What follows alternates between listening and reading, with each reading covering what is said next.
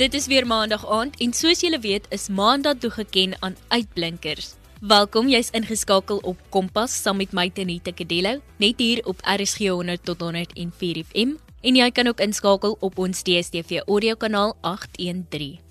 In Vanaand se Kompas kyk ons na die dromers en hoe sukses nie bepaal word deur omstandighede nie. Ek gesels met Heinie Sofat wat 'n bewys is daarvan dat harde werk en deursettingsvermoë jou oral kan vat in die lewe, maar eers speel ek vir jou want as ek droom van Karen Zoid. Wonder weer wat nou.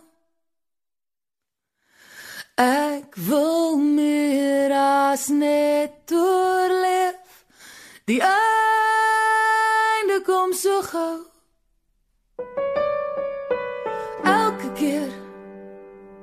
wat ek weer probeer. En oor begin weet ek ek sal moet. Elke maal weer die prys betaal. Jy lag my uit ek maak my oë toe. Want as ek droom voel ek die oomblik. Want as ek droom is ek as ek droom sals vergeet want as ek droom kan ek weer staan net as ek droom. Mm, net as ek droom.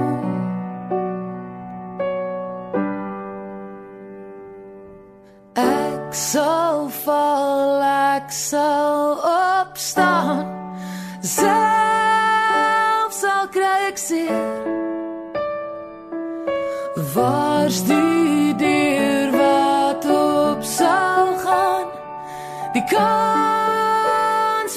begeer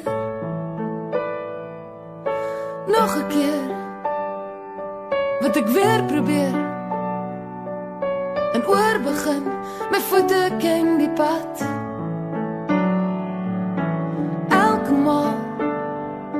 sal ek die prys betaal. Jy lag my uit, ek maak my oë toe. Want as ek droom, voel ek die oomblik. Want as ek droom, is ek al daar. Want as ek droom, is alles vergete. Want as ek droom, is alles volmaak.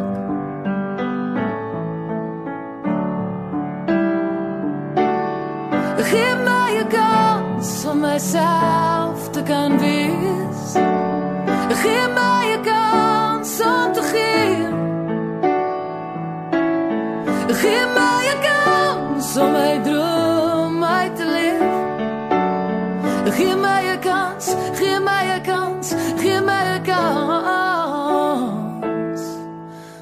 Want as ek droom, voel ek die oomblik want as ek droom is ek aldaar want as ek droom is alles vergete want as ek droom kan ek weer staan net as ek droom. 'n bewys dat drome nie net vir slaaptyd is nie en dis wat hy nie so vat definitief is Heinie is op die lyn om ons meer te vertel oor sy suksesverhaal en die struikelblokke wat hy moes oorkom. Ek is Heinie Brendan Sofat, gebore in Kraaifontein in Maart 1994, grootgeword op 'n plaas geleë tussen Durbanville en Mamasbury. Ek is self gedissiplineerd en ek streef daarna elke dag vir 'n beter lewe. Ek wag altyd kansse en groot geleenthede wat aan my kant toe kom My gunsteling slagspreuk is altyd foute is 'n bewys dat mense probeer. Ek probeer ten alle tye die beste van alle geleenthede maak wat aan my gegee word. Ek is baie sportaktief vanaf my skooljare af en het op skool selfs op verskeie sportsoorte deelgeneem soos rugby, cricket, hokkie en atletiek.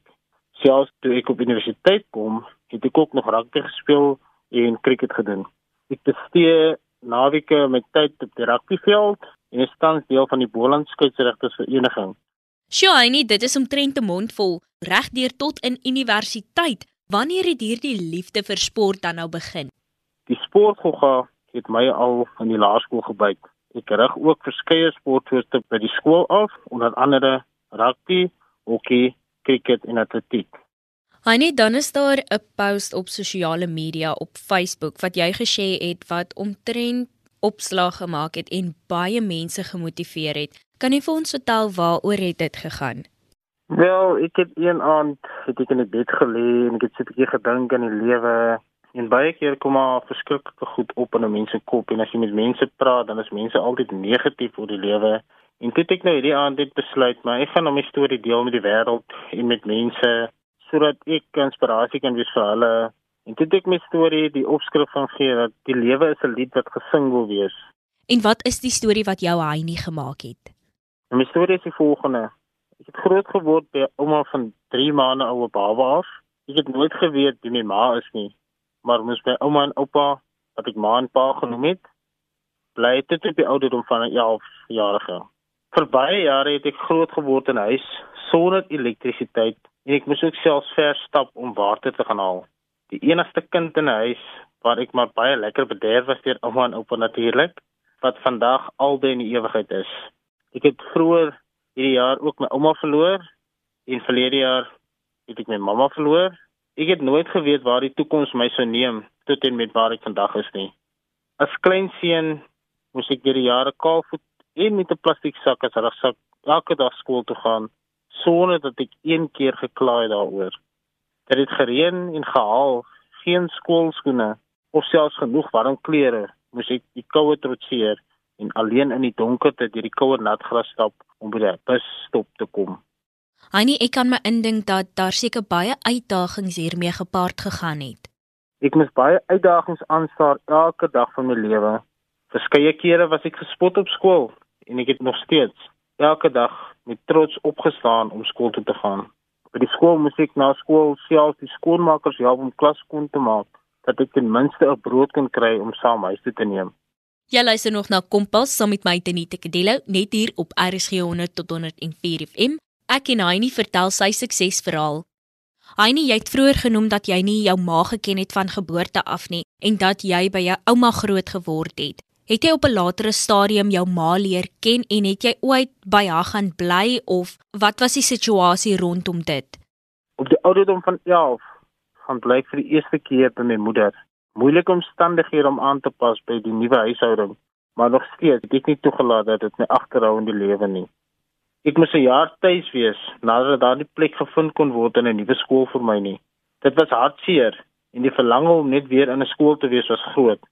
Deur daardie jaar moes ek aanstaar hoe my medige maatjies elke dag skool toe gaan en ek kon maar net sien hoe die bus hulle in die oggend oplaai en vanmiddag weer aflaai. Ek was altyd nuuskierig om te wil weet wat my medemaatjies vandag by die skool gedoen het, omdat ek baie uitgemis het. Ons het aanhou deur die loop van die jaar probeer plek kry vir my in 'n skool, maar dit was onsuksesvol. En sodoende het ek die hele jaar by die huis gesit. Die volgende jaar hervat ek my skoolloopbaan in graad 5. Sjoe, so jy hervat toe weer jou skoolloopbaan die jaar daarna in graad 5 en hoe het dit vir jou gevoel om weer terug te wees by die skool na so 'n lang tyd? En ek was super bly om weer in 'n skool te wees. Soveel uitdagings was aangestaar in 'n huishouding wat nie perfek was nie, maar die genade van God het my deurgedra. Baie liefde vir skool het opgevlam in my en ek sou nie 'n dag uit die skool wil bly nie. Die omstandighede het my deurgedruk om iets in die lewe te wil bekom. Deur al die jare het ek elke jaar suksesvolle skoolloopbane voltooi. In my matriekjaar weet ek nie waar toe my paai gaan lei nie. Deur koue winters het ek selfs geen vervoer gehad om by winter- en lenteskole vir matrikulante uit te kom nie. Ek het die pad gevat en dan probeer 'n geleentheid kry om by hierdie klasse uit te kom. Ek het sommige dae vir 30 km skool toe gestap sonder om 'n geleentheid te kry en baie kere moes ek weer terug huis toe stap. Ek het myself gemotiveer vir die beste vir myself. Eendag sit ek in die Engelse periode en die volgende oomblik bly die interkom dat ek na die skoolhoof se kantoor moet gaan. As mense altyd dit hoor, voel dit altyd jou hart wil uitspring. Want is ek dan nou in die moeilikheid? Ek daag op in die kantoor en die eerste vraag wat die prinsipaal my vra is: "Wil jy volgende jaar gaan leer?" My eerste antwoord is: "Ja, meneer." Die Here seën my toe met 'n wonderlike gebaar waarvoor ek vir ewig dankbaar is. Haai, ek het 'n gevoel dat hier iets ongeloofliks aan die kom is. Kompas, jou loopbaanrigtingaanwyser op RSG. Heinie voor die breek het jy nou genoem dat die Here jou geseën het met 'n wonderlike gebaar en ek dink by hierdie tyd is ons almal nou al baie nuuskierig om te weet wat hierdie gebaar is. 'n Duitse tannie het by die skool opgedaag en genoem sy wil iemand se studies betaal en die hoof identifiseer my wat gehelp kan word. En toe jy nou geïdentifiseer word, het jy dit verwag? Was jy een van die sterkste kandidaate by die skool? was dit 'n geval van jy is nou een van die sterkste kandidaate, jy is in die top 10, jy is nou geïdentifiseer omdat jy dit moet kry of was dit heeltemal onverwags vir jou? Hierdie geleentheid het my heeltemal onkant gevang. Ek het dit glad nie verwag dat dit aan my kant toe sou kom nie. Maar dis omdat die prinsipaal sekerlik iets in my raak gesien het. Ek was glad nie deel van die top 10 van die matrikulante nie. Hy het definitief iets raak gesien in my en dis hoekom hy my geïdentifiseer het om hierdie geleentheid aan te gryp. Ek gryp die geleentheid aan en in 2016 behaal ek my eerste graad as sportbestuurder. Ek begin die jaar daarna onmiddellik in 'n nuwe geleentheid waaroor ek ook ewig dankbaar is in my lewe. Tans is ek besig om my tweede graad te voltooi. Die Here is waarlik goed. Hannie, jy het nou jou ongelooflike storie gedeel en jy het genoem dat hierdie vrou het vir jou studies betaal. Het sy dan nou betaal vir al die jare wat jy gestudeer het of het daar ander finansiële ondersteuning ook toe bygekom oor die jare? Soos ek vroeër genoem het, het die Duitse tannie uh, Dorothee Ridat van Duitsland het haar hulp gebied om vir my studies te betaal en ook my akkommodasie. Ek het selfs op 'n maandelikse basis die saggeld ontvang vanuit Duitsland. Ek het die beste gedoen met die geleentheid wat ek gekry het. Ek was nie die enigste een wat hulle gehelp het in Suid-Afrika nie, maar daar was ook verskeie ander uh, kinders wat hulle gehelp het. En maar op die ou einde van die dag was ek die enigste een wat suksesvol was wat die geleentheid gebruik het. In 2015, net na Junie, in my tweede jaar van studeer, kry ek half 'n knop in my keel toe die tannie laat weet dat sy nie meer my studies kan betaal nie omdat sy na 'n man geskei het. Ek het juist nie geweet gaan ek links of regs nie. Ek het baie emosioneel geraak want ek het gedink dit beteken die einde van my studies in my tweede jaar as student. Ek het besluit om na die plaas eienaar te gaan waar ek groot geword het, waar ek altyd ekstra werkies gedoen het vir sakgeld en vir hom die storie vertel. Sy dogter, Josie de Toey, is genader en sy het gebied om my verder te help met my studies. Sy het al haar vriende betrek en hulle het 'n foundation begin as Jimmy's Foundation. Jimmy is my noemnaam op die plaas. Hulle het elke maand iets in 'n rekening betaal wat my hier studies en sakgeld verder vir die jaar gedek het. In 2016, my finale jaar in die rigting van sportbestuur, doen ek aansoek vir NSFAS vir 'n beurs. Ehm um, dit word toe goedgekeur en ek kom my finale jaar suksesvol voltooi. Ek is ewig dankbaar vir hierdie mense wat die groot rol in my lewe gespeel het met 'n groot bydrae tot my sukses. Terwyl ek besig was in 2016 met my finale jaar as student, kry ek 'n oproep dat ek 'n nuwe geleentheid as 'n internskap by Laerskool Igoris in Wellington kan kry. Ek neem toe die besluit om die geleentheid aan te neem, die beste geleentheid of besluit wat ek ooit kon neem. Ek is tot vandag super gelukkig in dit wat ek tans doen. Ek studeer nou vir my onderwysgraad en is een stapie weg van nog 'n mylpaal in my lewe. Die skool bied alle ondersteuning en geleenthede en ook aan baie ander interns by die skool. Dis regtig ongelooflik om te hoor hoe mense hande sal vat waar hulle potensiaal sien en dis presies wat in jou geval gebeur het. Mense het gesien dat jy die potensiaal het en dat jy wil iets word in die lewe, jy wil beter doen. En dit het dan nou gelei tot jou studies um, met sportbestuur en toe nou uiteindelik onderwys. Hoekom het jy juist besluit op sportbestuur aan die eerste plek en toe later nou onderwys? Omdat ek al 'n groot liefde gehad het vir sport vanaf laerskool en die sportgogga het my al in laerskool gebyt. En terwyl ek op skool was, het ek altyd daardie begeerte gehad om iets te wil doen in die rigting van sport. Ek was self aktief betrokke in sport, so ek wou iets doen of selfs iets bereik in die sportwêreld. So dis hoekom ek besluit het ek wou iets doen in die sport. Ek wou nog altyd 'n groot verskil maak deur sport in ander mense se lewe. Sport was nog altyd lekker geweest vir my. Ek het my sportbestuur prakties in my finale jaar gedoen toe die onderwysgogga my gebyt het. Terwyl ek besig was met my sportbestuur prakties, het, uh, het ek 'n passie gehad om met kinders te werk. Die liefde daarvoor het begin brand in my en dus het ek besluit om die rigting in onderwys ook te volg. Ek wil daardie verskil maak in iemand anders se lewe. En dan nou nie, wat hou die toekoms vir jou in? Wat sien jy in die toekoms? Waarna is jy opgewonde vir die toekoms? Ja, wat die toekoms betref, ons is heidaglik vanaf 2019 is ons al in gesprekke. Ek en Josie de Tooi die dame wat my gehelp het met my finale jaar studies is ons al in gesprekke om hierdie van 1000 ehm um, ding heeltemal verder te vat. Ons kyk spesifiek na die omliggende gebiede op die plase daar waar ek groot geraak het. So ons identifiseer leerders wat matriek is of leerders wat op hoërskool is en dan gaan ons na hierdie 1000 bou en sodra hierdie leerders in matriek kom, wil ons vir hulle help om aansoek te doen by universiteite sodat hulle ook kan gaan studeer om iets te bekom in die lewe. Ek beplan ook om oorsee te gaan werk vir 'n paar jaar en dan wil ek ook weer terugkeer na Suid-Afrika. Ek beoog ook om my eie NGO te stig waar ek wil terugkom in my gemeenskap waarvan ek kom omdat baie kinders nie altyd die geleenthede daar kry nie. Baie van die kinders wat daar woon maak ook maar net skool klaar en dan moet hulle maar op die plaas gaan werk omdat daar nie geleenthede aan hulle gebied word nie.